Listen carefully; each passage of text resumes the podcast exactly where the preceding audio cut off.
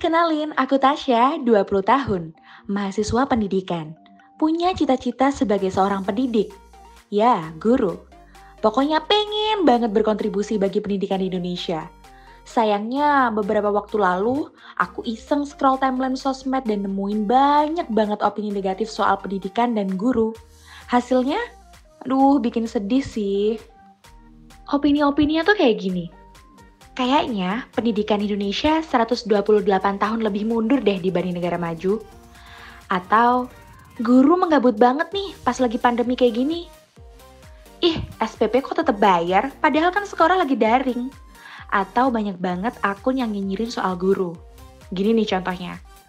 Eh apa sih kualitas guru Indo tuh? Ew banget tahu, sumpah nggak jelas banget. Beberapa orang memandang sinis tentang pendidikan dan guru-guru di Indonesia sebagai garda terdepan dalam pendidikan. Namun, benarkah fakta di lapangan seperti itu?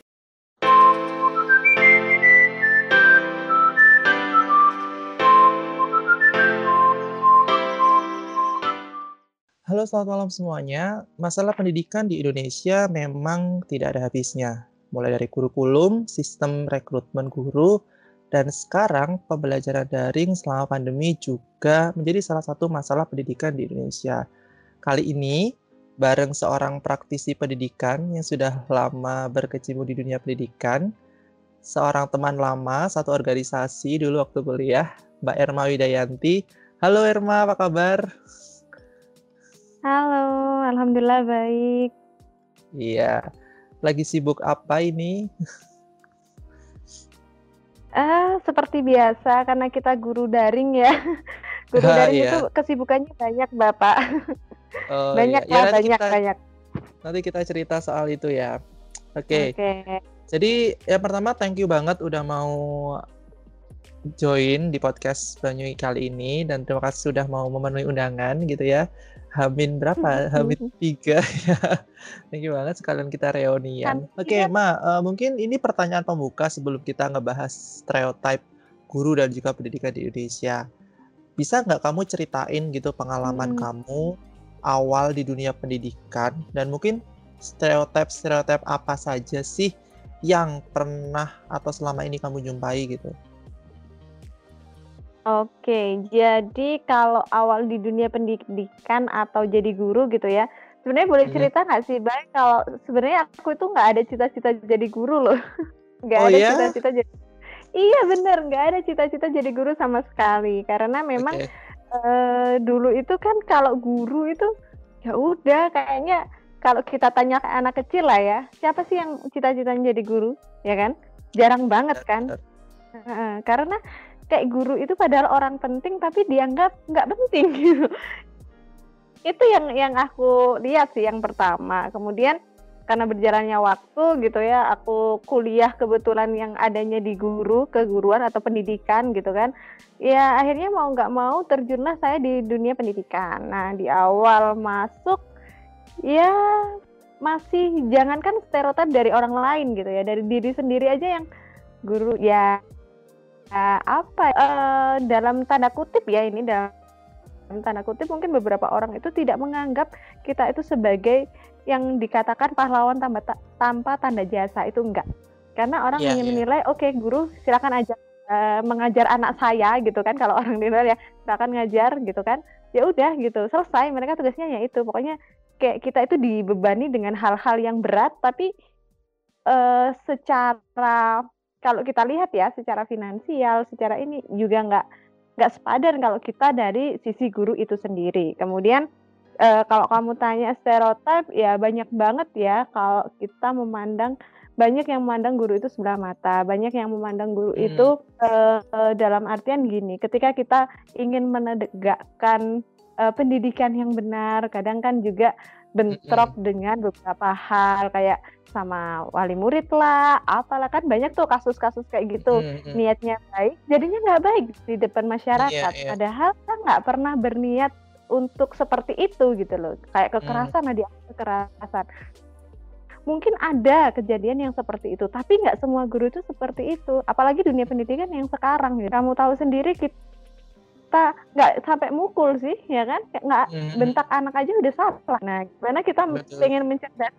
anak bangsa gitu dengan hal-hal seperti itu nah, Iya, semakin iya, ke iya. sini juga juga banyak banget ya masalah pendidikan karena apalagi sekarang pandemi gitu kan banyak juga yang sekolah tetap bayar sekolah nggak masuk gurunya enak dibayar terus gitu kan Iya, tapi mereka iya. nggak tahu kondisi guru sebenarnya apa Iya.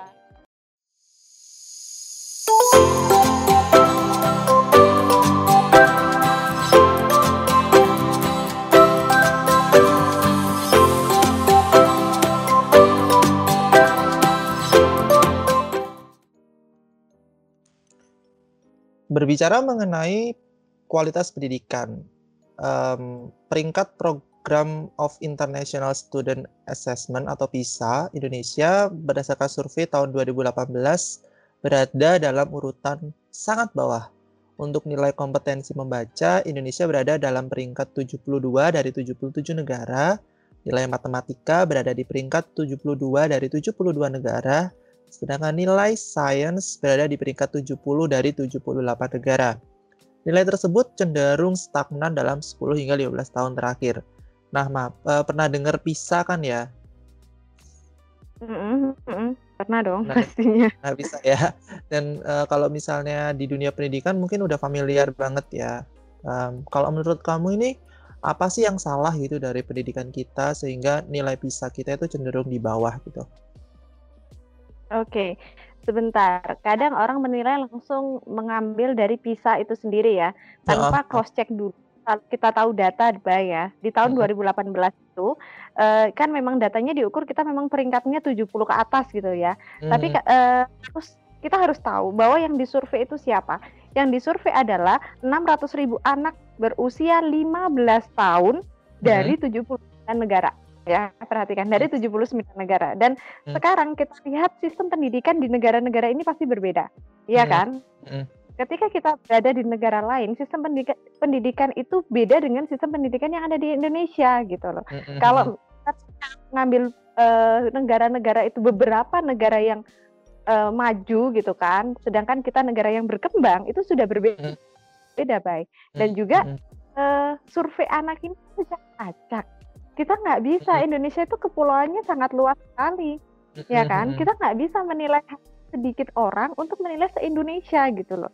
Jadi kadang eh, kita bisa hanya saja jangan pukul rata gitu. Berarti Indonesia ini jatuh, berarti Indonesia ini nggak bisa. Bukan seperti Hmm. itu gitu.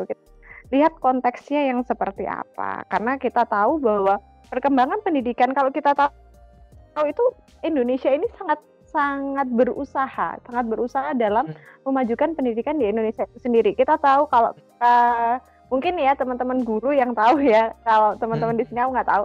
Cuma kalau teman-teman itu pasti tahu perubahan kurikulum yang ada di Indonesia aja berapa kali selama kita sudah merdeka, gitu kan? Kalau saya Iya. hitung nih, Bay, ada 11 kali kita mengganti kurikulum, mengganti Terakhir jenis kurikulum apa sih? masih 2013 tapi ada revisinya Hmm. kan. Yang terakhir, Mhm. yang terakhir itu eh, 2013. Jadi yang sampai sekarang dipakai itu 2013 tapi versi yang Hmm. revisi. Kemudian sebelumnya ada apa KTSP yang 2006, kemudian ada KBK 2004 eh, 2014 itu ada KBK. Kemudian ada juga kurikulum pendidikan yang mulai tahun 47, 52, 64, 68. Jadi beberapa kali dirubah itu kenapa? Karena Indonesia ingin memperbaiki pendidikan itu sendiri. Hanya saja menurut kami ada beberapa kita yang diskusi biasanya sama guru-guru. Sebenarnya udah bagus sih. Rancangan Hmm. kurikulum yang dibuat itu udah bagus. Tapi belum sampai selesai, udah diganti lagi. Maksudnya. Politisasi Jadi, gitu nggak sih? eh, Mm, mm, saya nggak berani bilang ya ini masalah politiknya gimana tapi biasanya biasanya yang terjadi di Indonesia adalah ketika ada pergantian eh, menteri atau apa pasti kan ada kebijakan baru itu itu yang Iya. menjadi ciri khas rata-rata kayak gitu Eh, jadi kalau misalnya kita mencanangkan nih eh, orang aja belajar kita belajar ada eh, belajar wajib belajar 9 tahun menjadi 12 tahun gitu ya itu Hmm. belum selesai kurikulum belum selesai udah diganti lagi jadi yang salah ini siapa? Apakah gurunya? Apakah pemerintahnya? Apakah siswanya? nggak bisa salah satu kita salahkan karena ini adalah saling keterkaitan gitu loh. Kalau orang mengira pisahnya rendah ini gurunya yang salah nggak bisa atau hmm. pemerintahnya yang nggak bisa juga kita salahkan pemerintah karena apa?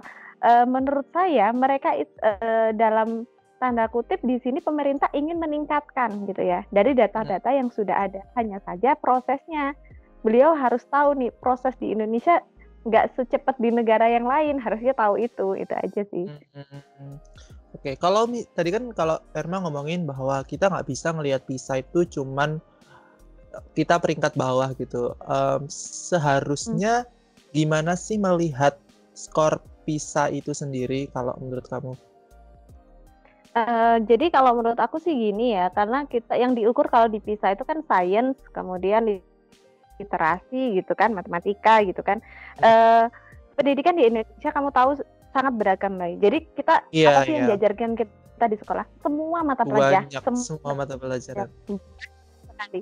Mulai dari kita SD, SMP, SMA, semua mata pelajaran diajarkan. Dan kita hmm. wajib bisa itu. Ya apa enggak? Hmm, benar benar benar. Kalau di dunia, eh, maksudnya di negara lain, misalnya nih, uh, mungkin aja di Jepang gitu kan kan mereka minat toh peminatan di mana dia suka itu ya udah itu yang diajar jadi dia fokus tuh misalnya hmm. dia ada golongan juga golongannya uh, apa namanya misalnya matematik ya matematik sains sains gitu. Literasi ya mereka memang membacanya itu. Cukup itu aja. Jadi ketika kita hmm. rendah wajar nggak baik hmm, iya iya iya. Cukup wajar tapi nggak bisa dibenarkan juga ya. Gitu. Oke oke okay, paham buat konteksnya. Sistem sistem pendidikannya ini yang yang memang kita nggak bisa nggak bisa samain. Kalau kita mau pakai bisa oke. Okay. tapi berarti sistem kita harus dirubah. Makanya pemerintah sekarang menggunakan AKM gitu loh yang iya, dirubah yeah, yeah. kan ada nggak ada ujian nasional diganti AKM di mana tesnya AKM itu ngambillah kayak PISA ada literasi ada numerasi tapi hmm. disampaikan juga di situ adalah uh, ada survei uh, lingkungan juga kan ada yang hmm. men hmm, hmm membangkitkan nilai-nilai Pancasila. Sebenarnya hmm. kita sudah mulai sih, sudah mulai bergerak sana. Hanya saja mungkin masih proses nih, masih belum kelihatan. Jangan iya, uh, iya. melihat pendidikan itu bisa dirubah dalam satu tahun gitu. Itu sih menurutku. Iya benar-benar. Uh, ada arah menuju ke sana gitu karena nah, nggak bisa kalau yang pendidikan 10 tahun 15 tahun ini kita stagnan di uh, peringkat terendah ya memang kita yang diajarkan berbeda dengan mereka yang memang sudah fokus di sana gitu loh. Iya, nah, iya. Tapi kita ada menuju perubahan ke sana supaya skor PISA itu bisa meningkat gitu sih. Iya, iya. Oke. Okay. Oke, okay, jadi uh, ini mungkin salah satu kritik buat uh, ya pendidikan kita kayaknya udah mulai bergerak gitu ya untuk ya kita fokus hmm. sama literasi terus numerasi dan juga sains gitu. Oke, okay, hmm. ini masalah selanjutnya dan juga stereotip terkait rekrutmen dan juga kualitas guru. Kita ngomongin bahwa kelas pendidikan okay. ini disebabkan karena kualitas guru yang tidak sesuai dengan fakta di lapangan, tidak sesuai kebutuhan dan banyak guru-guru yang udah nggak relevan gitu. Maksudnya um, cara ngajarnya yang jadul dan lain-lain gitu. Kalau kamu cek di lapangan itu sebenarnya keadaannya kayak gimana sih? Oke, kalau kita berbicara tentang kualitas pendidik ya, sekarang nggak jadi nggak bukan uh, dalam global pendidikan. Jadi kalau kita berbicara kualitas pendidik, sebenarnya uh, orang yang nggak tahu aja sih kalau kita dibilang uh, nggak butuh ini atau macem-macem lah ya. Yeah, Karena yeah, gini, yeah. memang guru itu serba serba cocok untuk disalahkan. Dalam artian gini, uh, gini baik kita lihat perkembangan kurikulum yang saya bilang tadi ya, uh, saya ngomongin kurikulum. Ada perubahan-perubahan di situ.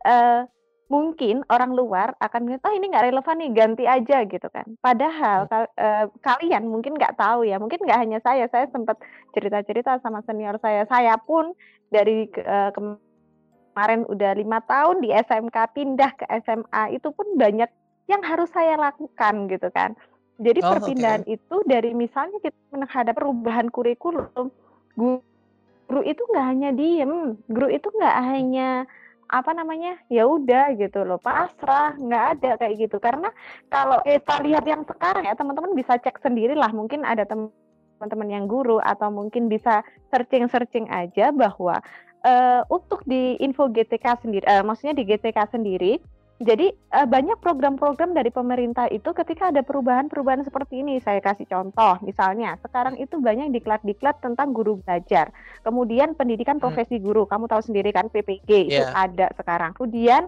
ada juga guru penggerak, ada juga upskilling, reskilling, diklat guru hmm. pembimbing khusus atau inklusi. Kemudian studi lanjut guru. Nah, saya bahas salah satu aja deh sekarang masalah PPG ini adalah pendidikan profesi guru. Jadi, guru-guru hmm. yang dirasa nggak linier lah, ya nggak linier dulunya, sekarang harus mengikuti yang namanya PPG. Bayangin sekarang kalau kita lihat finansial ya, guru itu sangat rendah kan dibandingkan dengan yang lainnya.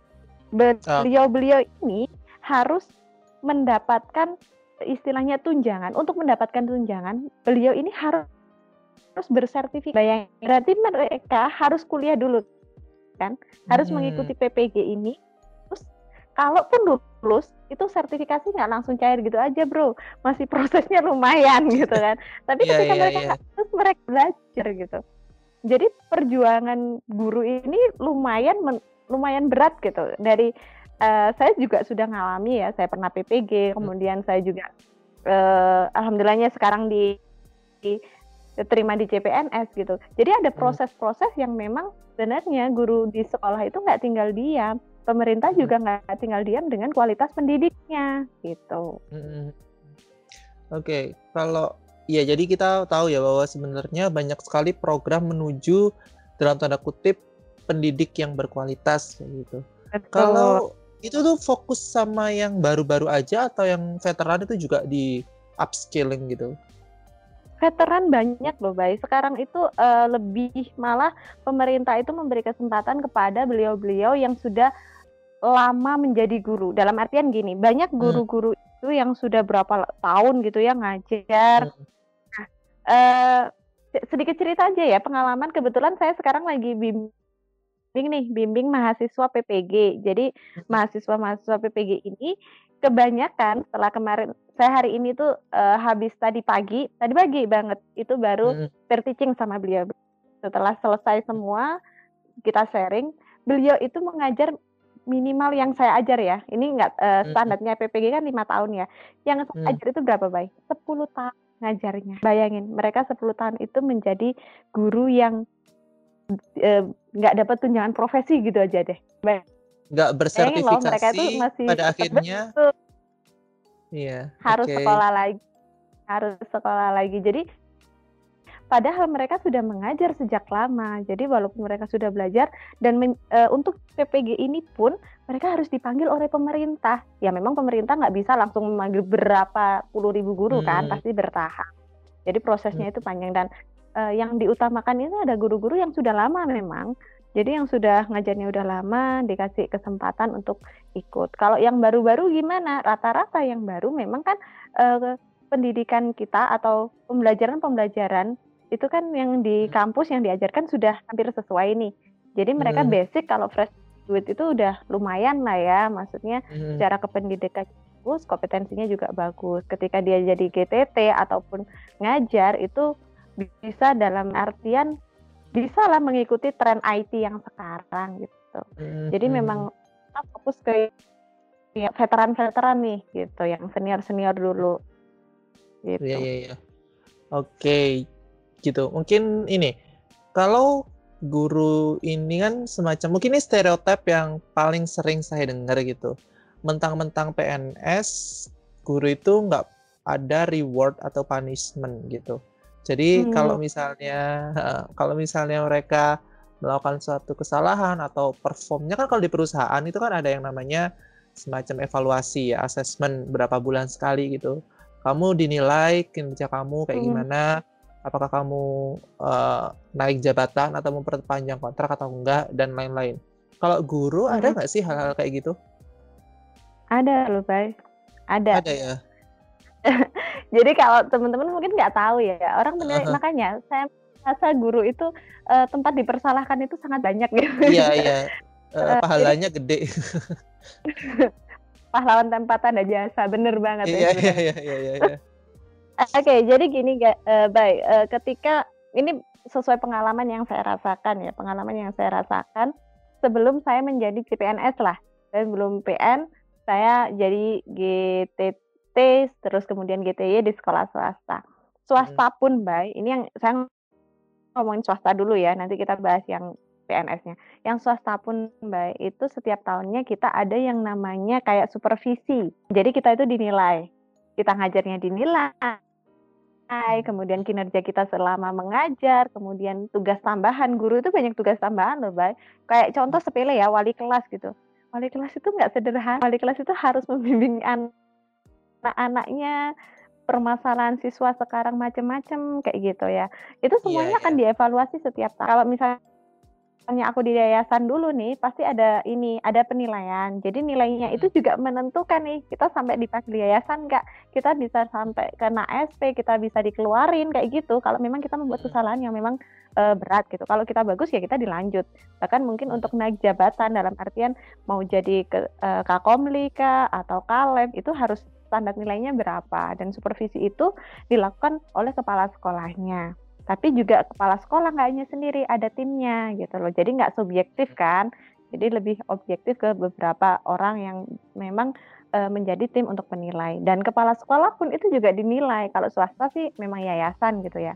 Nah iya, kalau kita berbicara PNS-nya memang orang itu dulu saya sebelum saya jadi PN itu saya memang banyak banyak hal yang kayak gitu. Ah PN itu enak ya ngajarnya hmm. seenaknya gitu kan jamnya seenaknya, gajinya tetap gitu kan. Ya memang hmm. kalau kita dibandingkan dengan uh, eh, GTT gitu. Waktu itu saya memang belum jadi. Ketika saya sudah alhamdulillah sudah terjun di uh, sekolah yang baru gitu ya. Saya hmm. mengamati baik. Serius saya jadi apa benar? Mungkin mungkin ya saya Alhamdulillah sih saya belum menemukan di sekolah saya gitu. Mungkin dulu hmm. ada beliau-beliau yang seperti itu dalam arti gitu. Tapi ASN di tempat saya itu contohkan hal yang baik untuk saya dalam artian contoh sepele. Kita sekarang absen ya absen pagi sore gitu. Beliaunya memang standby by bukan yang katanya kan kalau PN seenaknya gitu kan. Yeah, yeah. juga. Kita benar-benar diawasi sama pemerintah. Apalagi sekarang sistemnya sudah terintegrasi ya. E, yeah, masalah yeah. apa lokal kemudian kita ngajarnya berapa jam, ada namanya aki kinerja, kita harus ngisi setiap hari kita lakukan apa, kemudian nanti tiap tahunnya ada yang namanya SKP dan di SKP itu ada uh, kayak poin gitu loh, baik. Jadi hmm. poinnya itu di nanti kalau kita sesuai, kita kan punya target tuh dalam satu tahun. Kamu harus hmm. ikut diklat berapa kali, kamu harus ngajar berapa jam, kamu harus yeah. menyiapkan perangkat pembelajaran, kamu harus uh, membuat modul uh, media kayak gitu itu ada semua kan. Kalau kita nggak hmm. mencapai target itu ada hukumannya, ada surat ininya. Yang parah ya ketika kita nggak mencapai target kita itu juga nggak bisa naik pangkat. Bayangin, paham kan maksudnya? Yeah, Jadi yeah, sebenarnya yeah. ada seperti itu, hanya saja mungkin nggak diekspos gitu kan. Mm-hmm. Jadi uh, ketika memang mungkin ada beliau-beliau yang terlihat santai, terlihat ini ya siapa sih nggak uh, istilahnya gini, semua orang akan melihat orang lain itu lebih bagus, ya kan? Pasti yeah. itu. Kan itu pasti lebih hijau daripada kita itu. Pasti yang dilihat bagus-bagusnya aja, enak-enaknya aja dan kita membandingkan keenakan yang diterima dengan hal yang lain gitu. Jadi, oh ini gajinya sekian gitu kan. Tapi mereka nggak tahu administrasi guru itu juga banyak banget gitu. Iya, iya.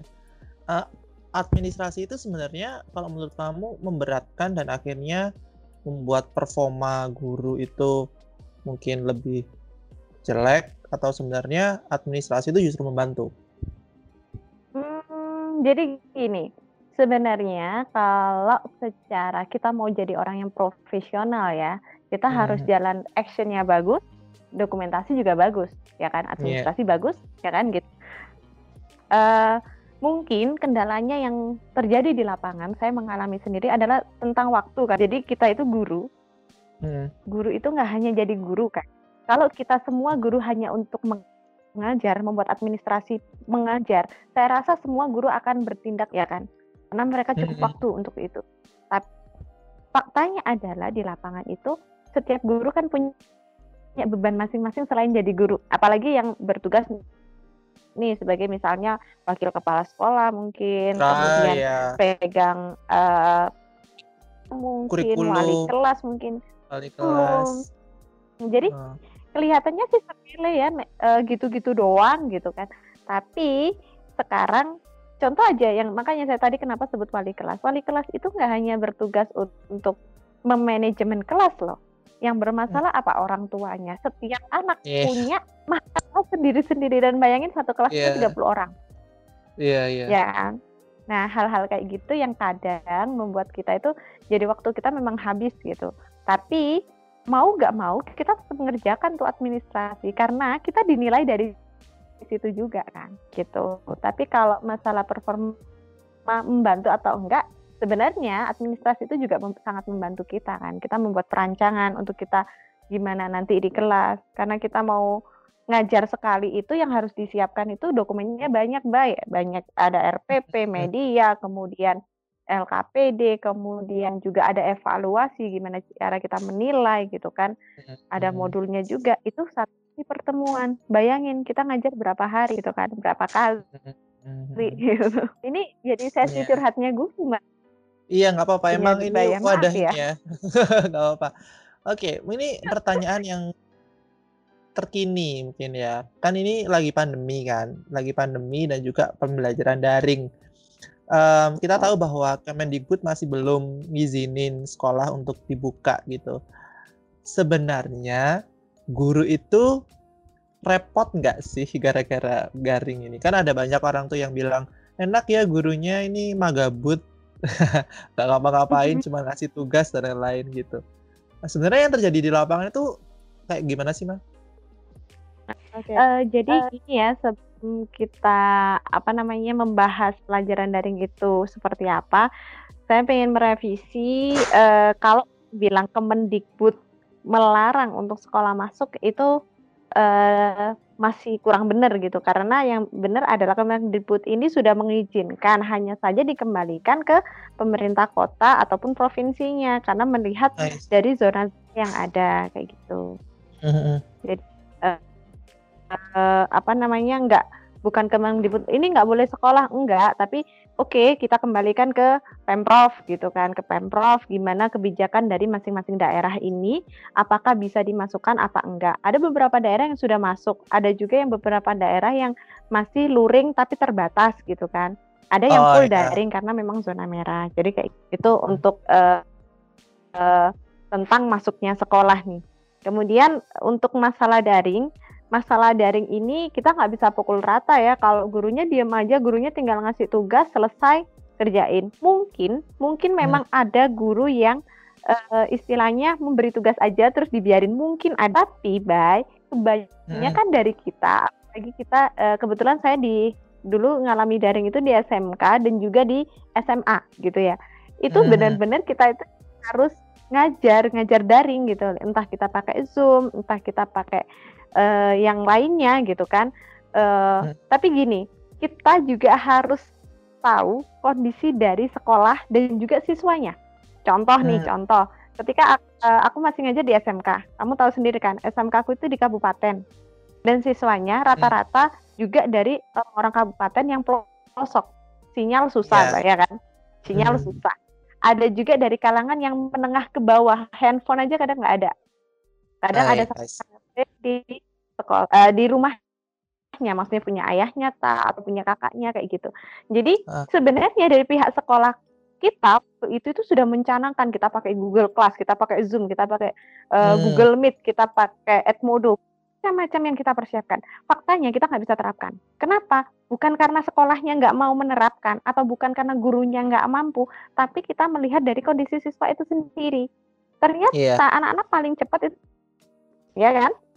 Ya mau Benar, nggak mau kirim modulnya by WA atau kirim videonya by WA tugasnya by WA bener kan? Karena apa? Kita menunjang anak-anak supaya bisa mengerjakan supaya bisa paham jadi kalau di sekolah saya yang dulu itu tiap minggu guru itu di deadline membuat video pembelajaran materi. Bayangin Hmm. minggu itu mereka harus recording menjelaskan ke anak-anak. Nanti diupload di YouTube ada ya gitu ya linknya kita share.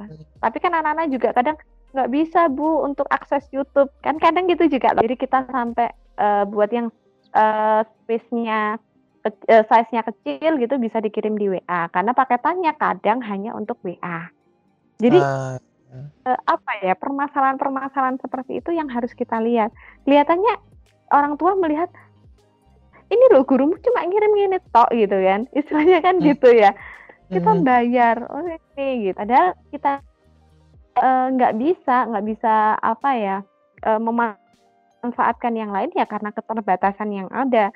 Karena berapa persen siswa kita yang misalnya nih dalam kondisi uh, istilahnya dalam lokasi yang nggak punya nggak uh, ada sinyal gitu hmm. atau nggak punya handphone atau keterbatasan macam-macam gitu itu yang pertama ketika saya di SMA yang kedua nih saya di SMA kalau di SMA saya yang sekarang anak-anak itu selalu meet dan itu pun juga harus konfirmasi ke siswa. Memang kalangannya kan beda nih. Sekarang di kota ya, hmm. ya, kan nggak mungkin nggak. Nah, tapi kan permasalahan double lagi nih. Kuotanya gimana? Ada yang di rumahnya pakai wifi, oke. Okay. Kalau enggak, otomatis kan kita juga meetnya terbatas toh. Kalau saya sendiri misalnya, dua minggu sekali aja ya meetnya, atau mungkin tiga minggu sekali meet. Sisanya kita tugas di Google Class misalnya. Hmm. Tapi oh, itu loh cuma ngirimin tugas di Google Class-nya. Padahal mereka juga nggak tahu prosesnya. Saya pun ngajar saya buat uh, konten di YouTube buat mereka belajar. Buat apa? Menunjang mereka untuk ngerti materinya, untuk paham apa yang kita jelaskan. Apakah hanya itu? Enggak juga. Kita share materi juga ke anak-anak. Gitu. Jadi sebenarnya itu lebih ribet sih. Iya, iya. Gurunya aku, itu nggak diem-diem. Gitu aku pernah sekali dua kali nonton YouTube kamu dan menurut aku emang uh, pembelajarannya cukup komprehensif, keren ya. um, aku mau tanya gini sih. Apakah dengan menggunakan YouTube itu, aku percaya bahwa itu adalah penunjang yang sangat baik gitu ya. Apakah itu muncul dari inisiatif kamu sendiri atau emang sistemnya um, mintanya seperti itu atau itu karena sistem gitu? Atau gimana sebenarnya? Hmm. Kalau aku sih, kalau aku pribadi ya, Bay, aku membuat hmm. konten itu kan memang mulai pandemi waktu aku di SMK ya, waktu aku di SMK yeah. Turen, waktu aku jadi pembelajarannya adalah pemrograman. Nah, kondisinya waktu itu siswa kita nggak boleh masuk, ya. Uh -uh. Pelajaran pemrograman itu sulit. Kemudian uh, waktu itu aku sharing-sharing sama teman-teman.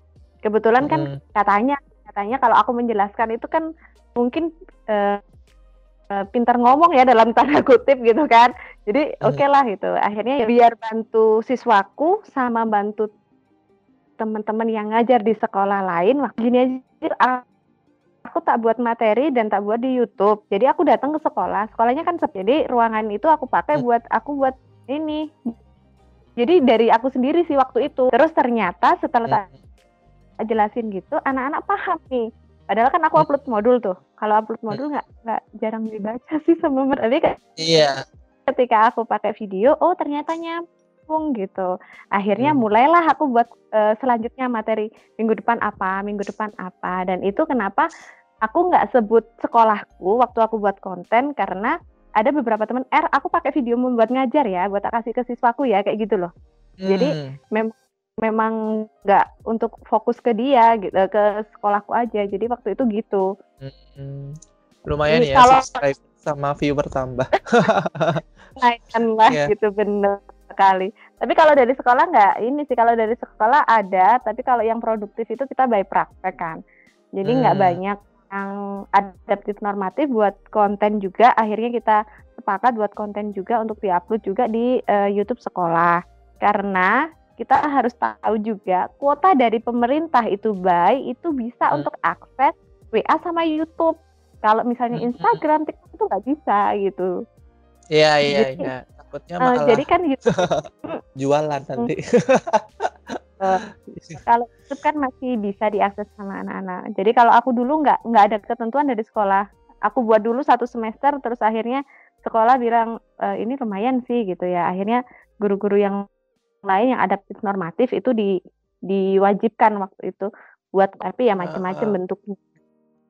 Oke, okay. meski oke okay, kalau bisa ditarik kesimpulan meskipun tidak ada semacam kewajiban dari instansi atau sistem membuat konten seperti itu, ini bisa disimpulkan dari gurunya sendiri harus lebih kreatif gitu ya, walaupun secara sistem mungkin ya pemerintah sebenarnya juga udah memberikan ini ya, memberikan fasilitas gitu. Kayak apa sih yang rumah belajar ya, yang gratis itu, yang video Iya, rumah belajar. Jadi video pembelajaran belajar itu juga gitu. Ada banyak program di situ juga. Uh, Kemudian kadang kita itu kan juga guru itu macam-macam ya, Bay ya. Kita hmm. kalau aku sendiri nggak bisa kayak di SMA aku, walaupun SMA-nya kota, apakah beliaunya juga buat konten?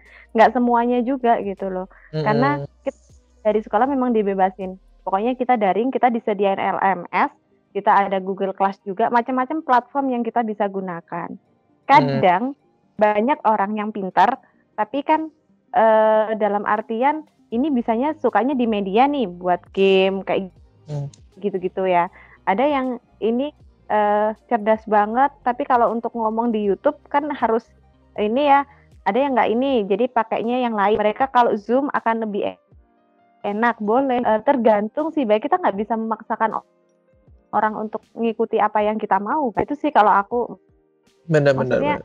Ya harus kreatif itu tadi. Harus jadi kalau kalau aku suka ngomong dan aku ini ya udah aku pakai YouTube.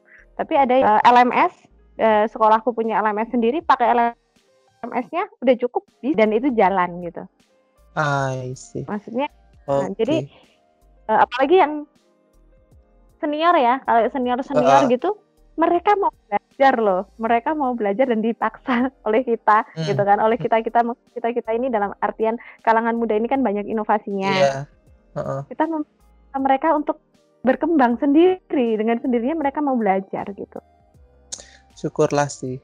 Ya walaupun di media banyak banget cerita soal guru-guru yang malas gitu ya, tapi sebenarnya di lapangan itu banyak banget banyak banget guru-guru yang mau mengupskill dirinya gitu ya buat lebih baik gitu.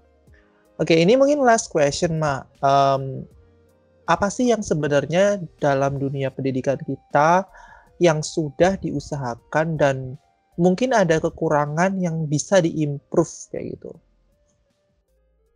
Um, yang sudah diusahakan ya. Sekarang saya coba um, breakdownnya dari program pemerintah aja sih. Baru hmm. aja kita sudah merayakan Hari Pendidikan Nasional gitu kan. Hari hmm. Pendidikan Nasional ini dicanangkan oleh Mas Menteri dengan uh, apa namanya jargon Merdeka Belajar. Nah, uh, kadang orang berpersepsinya adalah pokoknya belajar di mana aja semaunya gitu kan. Tapi hmm. setelah saya dengarkan sendiri uh, pi, bukan pidato sih percakapan percakapan dari Mas Menteri dan juga Pak Presiden ternyata langkah-langkah yang diberikan itu banyak banget gitu kayak uh, guru penggerak kemudian juga ada Merdeka Belajar itu kita bisa belajar ke industri kemudian hmm. membuat mitra sekolah mitra kemudian juga hmm. Mas banyak sekali yang sudah dilakukan pemerintah. Harapannya nih, harapannya kalau dari aku uh, sebenarnya semoga saja ini sampai selesai gitu loh. Maksudnya jangan sampai nanti belum selesai tapi ada kebijakan lain. Ah, iya. Itu hmm. yang akan menjadikan perkembangan kita yang sudah mulai maju ya jadi kembali ke awal lagi gitu. Dari kemarin kan benar, kan gitu-gitu gitu loh. Itu sih. Jadi uh, sebenarnya semua program pemerintah, menteri yang mana pun, kalau menurut saya ya, menteri yang mana pun pasti kan pengennya berkesan ya. Dalam artian pasti harus meningkatkan pembelajaran pendidikan lah, pendidikan di Indonesia gitu. Hanya saja kadang itu terbentuk eh, terpentok oleh belum programnya ini lima tahun misalnya ya eh, tiga tahun ganti menteri ganti lagi yeah. balik lagi di awal lagi jalan lagi gitu. kita nggak akan berkembang jadi kalau mau diimprovisasi apa uh, sebenarnya nggak perlu banyak improvisasi, hanya saja cukup konsisten, gitu. Jadi kalau dari aku ya, uh, menurut saya ini udah bagus nih pemerintah udah buat uh, banyak hal gitu kan. Ada AKM lah ada uh, guru penggerak ada macam-macam sekali dan itu adalah ke depannya bagus. Ya udah konsisten ini yang konsisten dulu baru kita bisa mengembangkan yang lain. Karena ini uh, programnya di GTK pun banyak banget gitu. Kita bisa guru belajar seri, saya pun harus jadi guru itu harus diklat, diklat, diklat dan diklat kayak gitu. Upskilling mulu kan. Nah, kalau upskilling ini bisa kita terapkan dengan baik, insya Allah pendidikan kita juga baik gitu. Tapi ya itu jangan dipukul rata. Daer semua daerah punya eh, apa ya kelebihan dan kekurangannya masing-masing. Jadi kadang kesetaraan itu bukan keadilan loh ya. Kita yeah. Iya. menyetarakan semua itu bukan berarti keadilan juga. Uh -huh. karena daerah beda gitu. Iya. Yeah. Mungkin juga kritiknya bagi pemerintah adalah um, pelayanan infrastruktur yang dimajukan di beberapa daerah yang mungkin tertinggal gitu ya itu salah satu kritiknya juga dan juga lebih konsisten aja jadi ada kayak semacam kalau dulu kita di uh, UKM ada GPBK ya apa hmm. garis besar program kerja garis jadi ad, ya jadi orang itu bisa nerusin. Jadi nggak setiap tahun ganti hmm. kebijakan ganti orang ganti kebijakan gitu. Jadi mungkin ada GPBK pendidikan yang lebih panjang sehingga program-program yang udah dicanangkan uh, ini nggak tiba-tiba berhenti terus direvisi lagi ganti kebijakan lagi. Kayak karena pada akhirnya yang bawah-bawah ini kayak guru-gurunya uh, siswanya yang pusing gitu ya betul. Ya apa ya? Ya itulah. Sebenarnya semua program pemerintah itu bagus kok. Menurutku memang semuanya hmm. ingin memajukan pendidikan. Hanya saja kadang hmm uh, ada perubahan-perubahan yang membuat ya bukan kita nggak mau adaptasi ya. Kita pasti mau nggak mau kita pasti adaptasi dengan hal itu. Hanya saja ada space lah. Ada waktu yang ini loh hasilnya ada. Hasilnya udah kelihatan nih gitu kan. Mau ditambah apa lagi kalau masih hmm. proses ya karena kita bisa menilai pendidikan itu hanya setahun dua tahun ya progresnya hmm. gimana. Jadi bagi yang mungkin menyalahkan pemerintah ini salah ini harusnya nggak ada menurutku mereka juga pemerintah nggak salah sih. Pemerintah masih berprogres gitu. Tapi juga jangan menyalahkan hal yang lain. Kalau kita hanya saling menyalahkan mana yang salah kita nggak akan menemukan uh, apa ya titik tengah nih harus diapakan jadi ketika proses ya udah kita dukung proses itu sekarang adanya kegiatannya seperti ini, oke kita dukung. Gimana kita guru-guru ini berjuang supaya bareng-bareng sama-sama mengikuti program pemerintah agar pendidikannya ini semakin maju gitu. Jadi dari pihak pemerintah juga harus melihat guru-guru ini sudah berjuang loh. Ayo kita bareng-bareng konsisten supaya ini menjadi suatu hasil yang benar-benar terlihat gitu.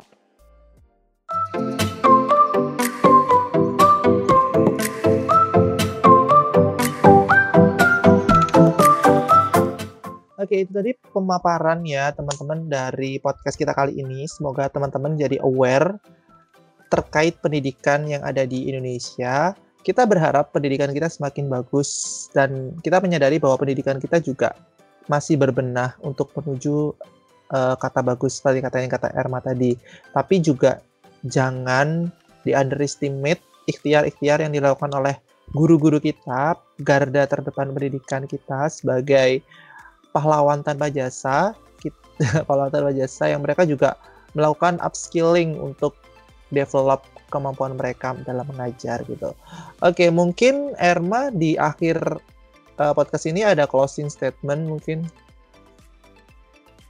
Um, closing statement ya, sebenarnya gini, kalau dari aku pendidikan hmm. itu tidak hanya bersandar pada guru dan pemerintah aja bersandar pada guru dan kebijakan, tapi pendidikan itu harus disupport oleh semua orang.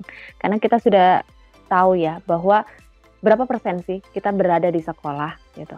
Pasti yang lebih banyak ada berada di lingkungan rumah dan juga di masyarakat. Kalau kita sama-sama berjuang bersama-sama untuk mewujudkan Indonesia yang cerdas gitu kan, berarti semua orang harus paham bagaimana memperjuangkan pendidikan ini agar negara kita menjadi negara yang cerdas, bukan hanya membebankan pada guru ataupun menyalahkan guru atau pemerintah. Itu sih. Iya, benar. Oke, thank you banget Erma udah ngasih penjabaran yang luar biasa. Aku nggak nyangka nih bakal seluas ini ya. Uh, thank you banget udah mau direpotin dan semoga pendidikan kita semakin maju gitu ya. Uh, buat Erma, thank you banget uh, sukses buat karirnya dan juga ngajarnya dan YouTube-nya. Mau promo mungkin YouTube-nya apa? Oh, boleh kalau tuh. Uh, kalau di sini tapi materi baik masa aku perlu materi sih ya ya udah sih boleh apa. dilihat boleh dilihat silakan uh. berkunjung ke YouTube saya Erma spasi C H U P Y oh. Erma spasi C H U P Y ya di, di sana teman-teman kalau misalnya ikut uh, beberapa platform harus bayar ya ini tuh gratis tinggal like share gitu kan. Nanti biar Erma dapat yang namanya apa sih? Monetize dari YouTube-nya sendiri gitu deh. Iya. Dulu sudah udah oh, terus sudah, ya? aku uh, udah aku offin lagi sih. Aku mau ah, membuat ini sih. Ya saya off karena sempet aku aku jadi cerita ya sempet ada konten ikan entertain gitu kan terus up uh, banget uh, uh. tapi nyak take down gitu kan dan tutup uh, dulu tah tutup dulu monetisasinya okay. jadi semoga saya bisa membuat konten-konten yang berhubungan dengan pendidikan dan itu bisa menginspirasi orang. Itu aja deh doa. Amin. Thank you banget kontribusinya dalam mencerdaskan kehidupan bangsa ya Erma ya. Ini mencerdaskan kehidupan bangsa itu bukan cuma tugas dari um, guru tapi juga kita yang mungkin aku juga di sini yang bukan sebagai seorang tenaga pendidik. Oke itu aja terima kasih teman-teman semoga suka dengan episode kali ini. Kalau misalnya suka jangan lupa share ke teman-teman agar uh, teman-teman yang lain bisa merasakan manfaatnya. Saya dan Erma pamit. Selamat malam dan sampai jumpa. Bye.